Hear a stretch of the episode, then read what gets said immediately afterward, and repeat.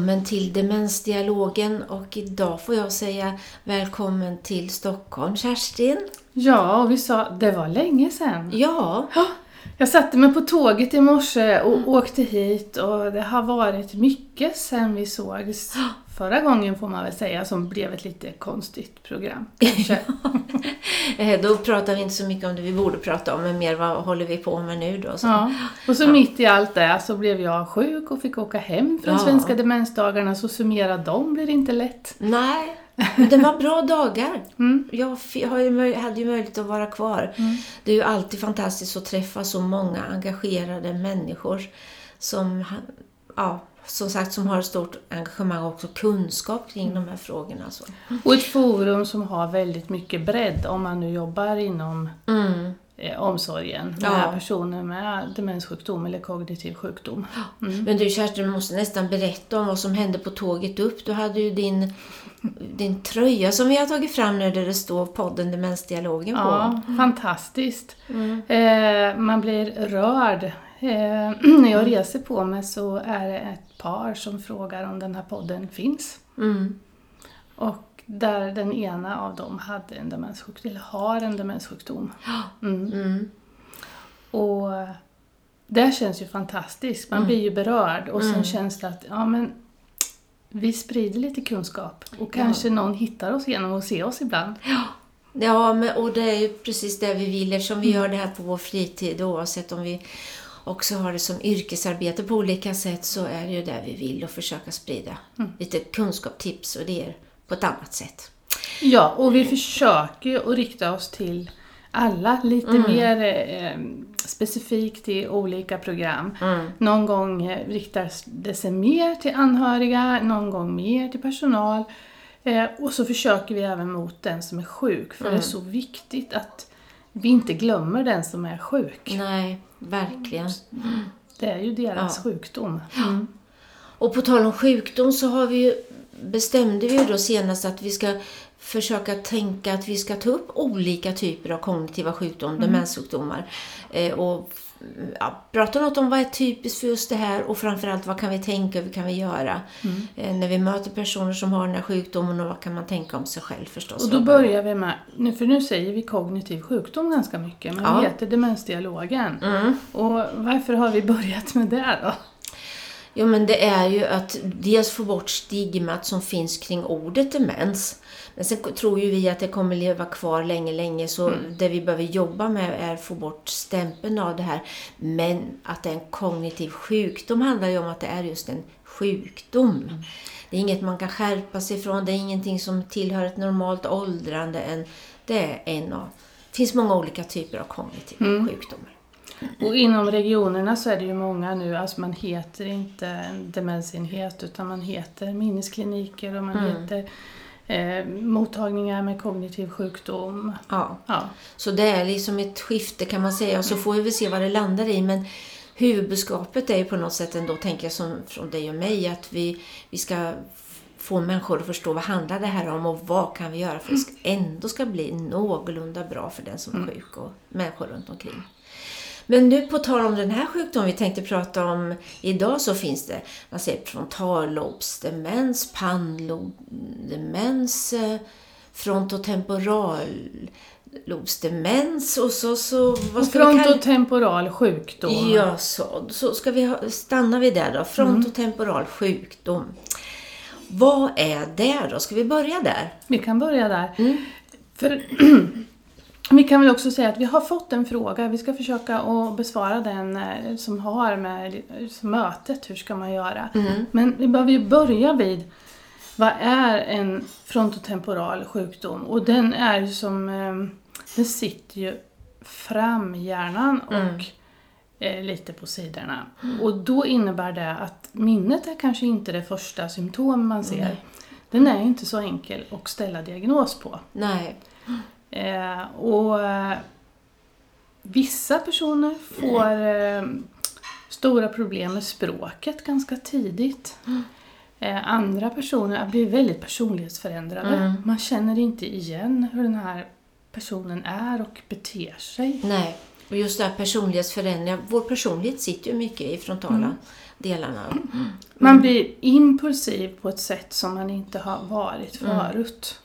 Och omdömet sitter ju faktiskt där också då, så Mm. man blir lite omdömeslös. Man kan inte förstå konsekvenser eller risker och sådär, eller vad som händer med det ena och det andra. Mm. Ett exempel i det är en kvinna som jag eh, tveksamt om hon klarade av att cykla längre. Mm. Hon hade en frontotemporal sjukdom. Mm. Och eh, jag skulle följa med henne ut och cykla. Mm. Och när vi kommer fram till ett rödljus, för vi har rött, Ja. Då löser hon det på sitt eget sätt. Mhm. Hon sätter upp handen mot trafiken och fortsätter att cykla. ja. Det var kreativt. Hon Ja. skulle ju fram där. Ja, Ja. och det var det som var det viktiga då. Ja. Och då tänker jag det här direkt att om du hade varit den som sagt nej men så där får du inte göra och så kommer ni en timme senare till det här rödljuset. Tror du hon hade tagit lärdom av det då? Nej. Nej. Och just den här kvinnan, hon hade så stora språkliga problem så hon hade inte förstått när jag hade sagt så där får du inte göra. Nej. Hon kanske hade känt av att jag var negativ i mitt sätt och i tonfall. Och, Mm. eh, men hon hade inte förstått vad det handlade om. Nej. Och det här upplever jag, för jag tycker när jag har träffat personer i alltså utbildning, handling, vad det är, så får man också, ja, de blir aggressiva. Och humöret blir förändrat. Men om vi då tänker att det är den här spärren som du säger med impulsivitet, det är ju det man inte har. En känsla läcker ut kan man säga väldigt snabbt. Och min bild av frontotemporal sjukdom är inte att de är mer aggressiva än någon annan. Nej. Inte att det är mer sexuellt beteende än någon annan, för det är också det man generellt får till sig ibland. Ja, mm. Men nu säger jag, det här är min erfarenhet att det inte är så. Men däremot så kan jag ställa till att det blir aggressivitet. Mm. Vet du, jag- träffade en väldigt, väldigt klok eh, arbetsterapeut för många år sedan som jag tyckte beskrev det här på ett så fint sätt att ja, men vi tänker väl alla saker om varandra. Om vi är på stan, vi går och möts och tänker åh den var lång och snygga kläder, fula skor, kort och lång och tjock och pratar högt. Och, alltså hela tiden har vi en sån där dialog inom oss. Och hon beskrev det som att om man har frontala skador, ja men då säger man allting det här. Och då blir det ju lite besvärligt i sociala situationer. Vi har- lär oss ju på något sätt att det här är inte så lämpligt att säga. Man har inte filtret. Man har inte filtret. Utan man bara kör på. Ja. Mm. Och det tänker jag, för jag, för jag upplever att många blir så Ja, man tänker man ska fostra och man måste säga till och så här får man inte bete sig och så här. Eh, Och det är ju totalt omöjligt för personer som får den här sjukdomen att kunna ändra sig. Det går inte. Nej. Nej.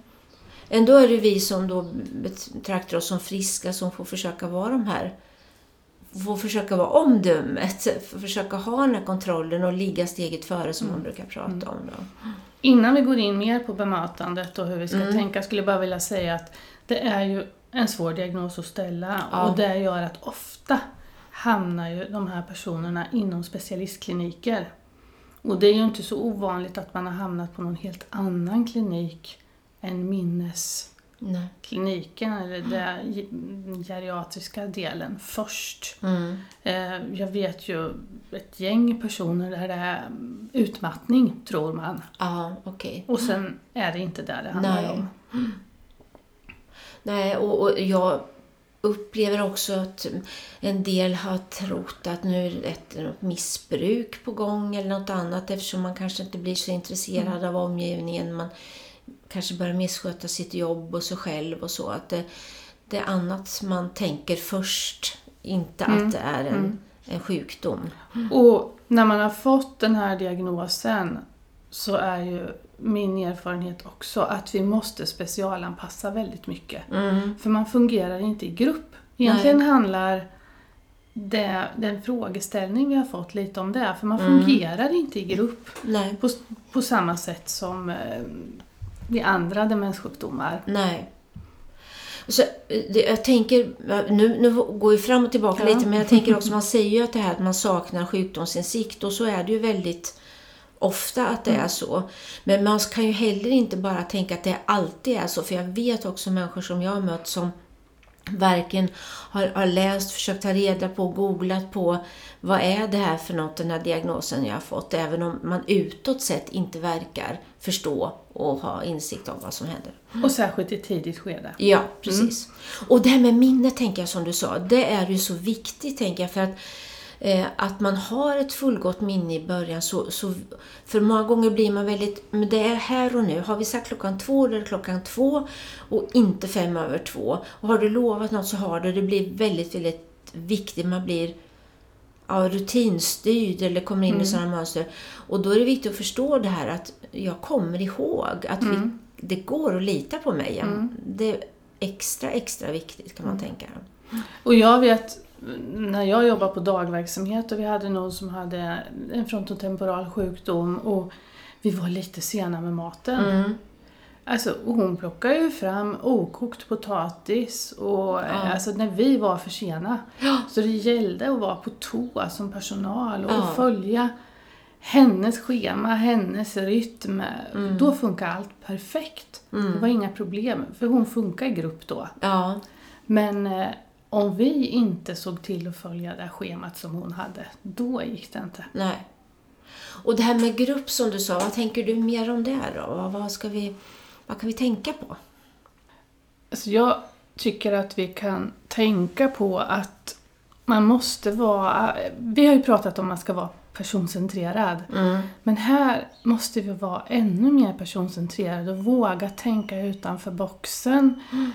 Eh, och kanske också våga tänka, vi måste det. Mm. Att gruppaktiviteter kanske inte alltid är det bästa. Nej. Vi måste göra mer um, enskilt mm. med de här personerna. Mm. Och, och, jag bara tänker med sinnesintryck överhuvudtaget, om man tänker att man har inte det här filtret. Alla intryck går ju in hela tiden, så det blir mm. väldigt ansträngande för hjärnan och mm. personen. Men jag vet en kvinna som bodde på boende som tyckte jättemycket om musik. Mm. Men så fort det spelades musik så var ju hon också väldigt högljudd mm. och klappade händerna och sjöng och stampade takten. Och det var ju inte alltid sådär väldigt positivt. Plus att hon var så här kan de inte komma igång nu? Ja, just det. Mm. Det liksom fick inte vara den här lilla dödtiden som kan vara före och Nej. efter. Och när det gällde henne, då gick personalen och hämtade henne. Inte rikt... Hon hade inte tidsuppfattningen så, Nej. för hon var sjukare. Mm. Eh, men då gick man och hämtade henne när underhållningen redan var igång. Ja, okay. Man satte sig långt ner. För mm. hon hörde bra, så det var inget problem. Nej. Det satt en personal bredvid och mm. man lämnade innan det var slut. Ja. Och märkte man att ja, men idag blir det inget bra för någon, ja, men då lämnar man tidigare. Ja. Och vissa gånger kunde man vara kvar längre tid. Mm. Sen, hon var också så att om personalen tog ögonkontakt med henne, mm. då klappar hon dubbelt så ja. hårt, dubbelt mm. så mycket. För vi brukar ju prata, du och jag, om att ögonkontakt är bra. Precis. Det ska man ha. Mm. Men någon som har ett beteende som vi inte vill förstärka, mm då kan det vara bra att undvika ögonkontakten. Mm. Jag kommer att tänka på, jag tror det var när du och jag jobbade på samma ställe då på en dagverksamhet, när jag lekte körledare då. En av ja, en kvinna var också där och hon älskade verkligen musik men de andra deltagarna tyckte det var lite jobbigt för hon blev ju väldigt, väldigt mycket så då. Mm. Eh, men där lärde vi oss att jag då fick ju inte som sagt ta ögonkontakt och försöka heja igång. Eh, och sen hade ju hon en personal bredvid sig som satt med sånghäfte och tittade ner i sånghäftet hela tiden. Och det blev ju för henne att hon härmade hon det beteendet mm. och då kunde hon vara med och sjunga mm. och det blev acceptabelt för de andra också.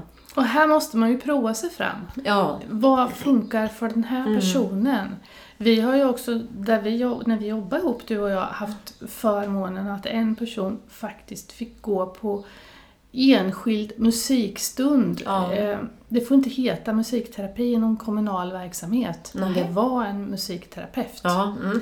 Eh, och det var nog den bästa stunden för henne på hela veckan veckan när hon fick den här enskilda tiden. Mm. Och kanske få använda sitt språk också då för musiken kopplar upp på flera delar av hjärnan. Och, Och det som var så fantastiskt var, för hon spelar egentligen piano, ja. men här spelar hon trummor. Mhm. Och kunde göra det. Så fast hon bodde på boende och var jättesvårt sjuk så åkte hon ja, tills i stort sett att hon dog Jaha. på den här musikterapin en gång i veckan. Vad fint. Mm. Jag tänker på en annan situation som ofta kan vara lite så här utmanande är ju runt måltiderna. Eh, Och där bör man ju också alltid tänka individuellt, men här kanske extra mycket då. Jag, och jag ser framför mig en kvinna som jag, det var konstigt bara kvinnor, men det är ju män som har den här Ja. skadan förstås, men nu har vi visst de exemplen. Men där vet jag att vi provade på olika sätt att hon skulle kunna äta tillsammans med andra. Det gick inte för hon kommenterade och sådär och jag hade inte tålamodet riktigt. Eh, och då provar vi, ja, vi provar olika steg, men eh, ett steg var sen inne på hennes rum tillsammans med en personal. Men det gick inte heller för att hon agerade med personalen hela tiden och kommenterade. Den här kvinnan hon älskade katter. Så till slut så var det så att vi landade i att om vi satte fram en stor bild på en katt framför henne och maten och så lämnade vi henne. Då kunde hon äta och kunde Men koncentrera du sig. Liselott, hur Ja. Mm. tänkte ni då med att lämna henne och fick hon äta ensam och inte få någon samvaro? Mm. Tänk vet du att vi tänkte faktiskt väldigt klokt för det var personcentrerat. Det var ingen bestraffning för henne. En, vi, så som vi har sagt så många gånger, våga prova. Vi provar i steg, steg, steg, steg tills vi landar i det. Ja men det här mår hon bäst i just nu och äta alla sen. Sen den sociala, där fick vi se till att hon fick på andra tillfällen men inte runt måltiden. Jag kunde inte låta bli, för Nej. det här får vi till oss för att som personal så vill vi så väl Ja. och tycker att alla ska vara en del och alla ska möjligheten att vara delaktiga i till exempel måltiden. Men det är inte bra för alla att vara i den här stora gemenskapen. Nej, Och för henne var det inte det och då Nej. hittade ni ett sätt att anpassa och det var inte att hon, ja men nu får hon vara i skamvrån i sitt rum. Det är känslan ibland. Ja, och, och alltså, jag, jag brukar jämföra ibland så jag tänkte att jag ställer fram en skål framför dig här nu med färska jordgubbar. Och så säger jag till du får inte äta de här nu. Du får inte äta de här jordgubbarna och du är jättesugen på de här. Det är ju en bestraffning då, eller hur? Men lika svårt är det ju att säga att du ska äta tillsammans, vara tillsammans med andra, men du får inte säga sådär och du får inte göra sådär. Det går inte. Och har man en frontotemporal sjukdom så kan det vara jättesvårt när jordgubbarna står där. Ja, För då har jag impulsen och jag äter till det är slut. Ja, jag kan inte hejda och känna. Så man kan inte ställa fram maten för tidigt. Nej. Här behöver man tänka och anpassa så också. Mm. Och man behöver tänka säkerhet. Mm.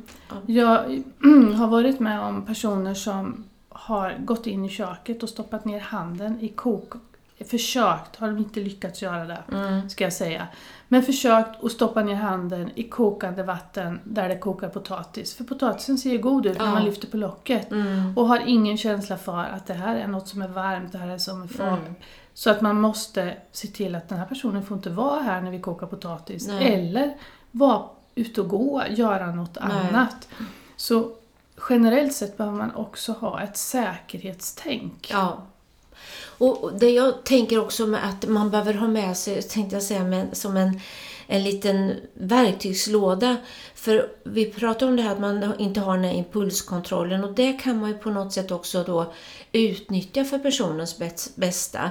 För säg att vi är i ett socialt sammanhang eller som någon fråga vi fick här under måltiden eller aktivitet så börjar någon helt plötsligt sjunga jättehögt eller göra någonting så det blir störande och svårt och personen själv blir kränkt. Att verkligen titta på vad tycker den här personen om? Vad kan jag hitta för trigger och avleda med? Det kan ju vara allt från något som är ätbart, eh, kasta boll, eller alltså göra någonting helt annorlunda så att personen tappar fokus på det och, och istället går över på det här andra som händer just där och då. Och det tänker jag just med ha kunskap om personen. Vad tycker du om? Vad kan jag locka dig med? Så det inte blir att tillrättavisa än det blir att få dig att fokusera på något annat. För nu pratar jag på här Kerstin, jag ser att du står där, att du, nu vill du säga något.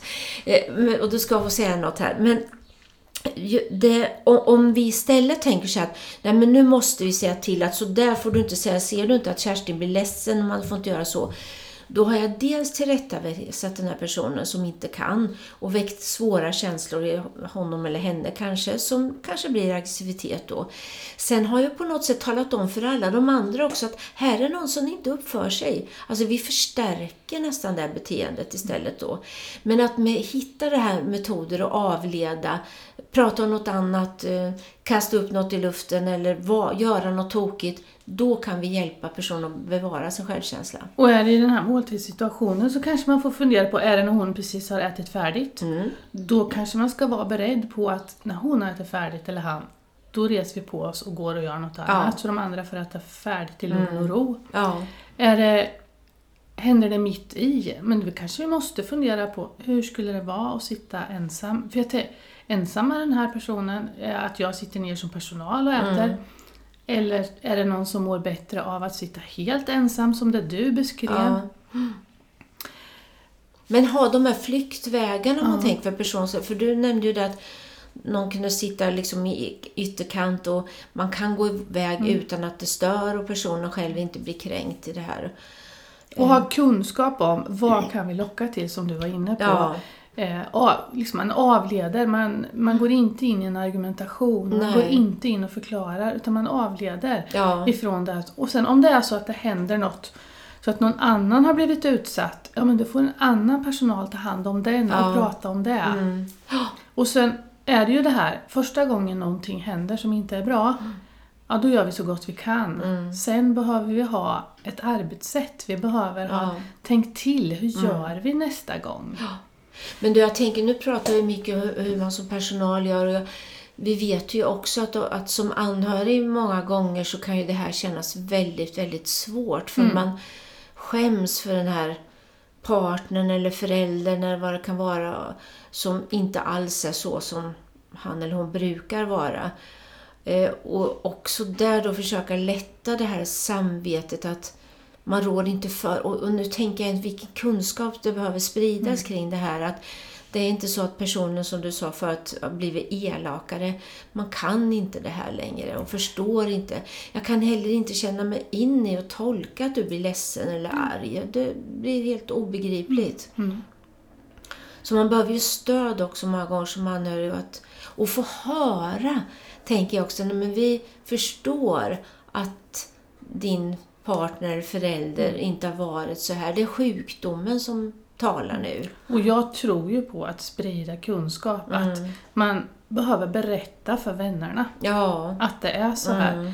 Men alltså, det klockan går vet du. Och ja, men det är ju så. Men jag skulle vilja bara att vi, vi stannar lite vid för nu har vi gett massa exempel, men hur ska man tänka bemötandemässigt? Finns det något speciellt? Mm. Eh, och det jag tänker, för jag sa att det är en språklig påverkan, ja. man har svårt att förstå.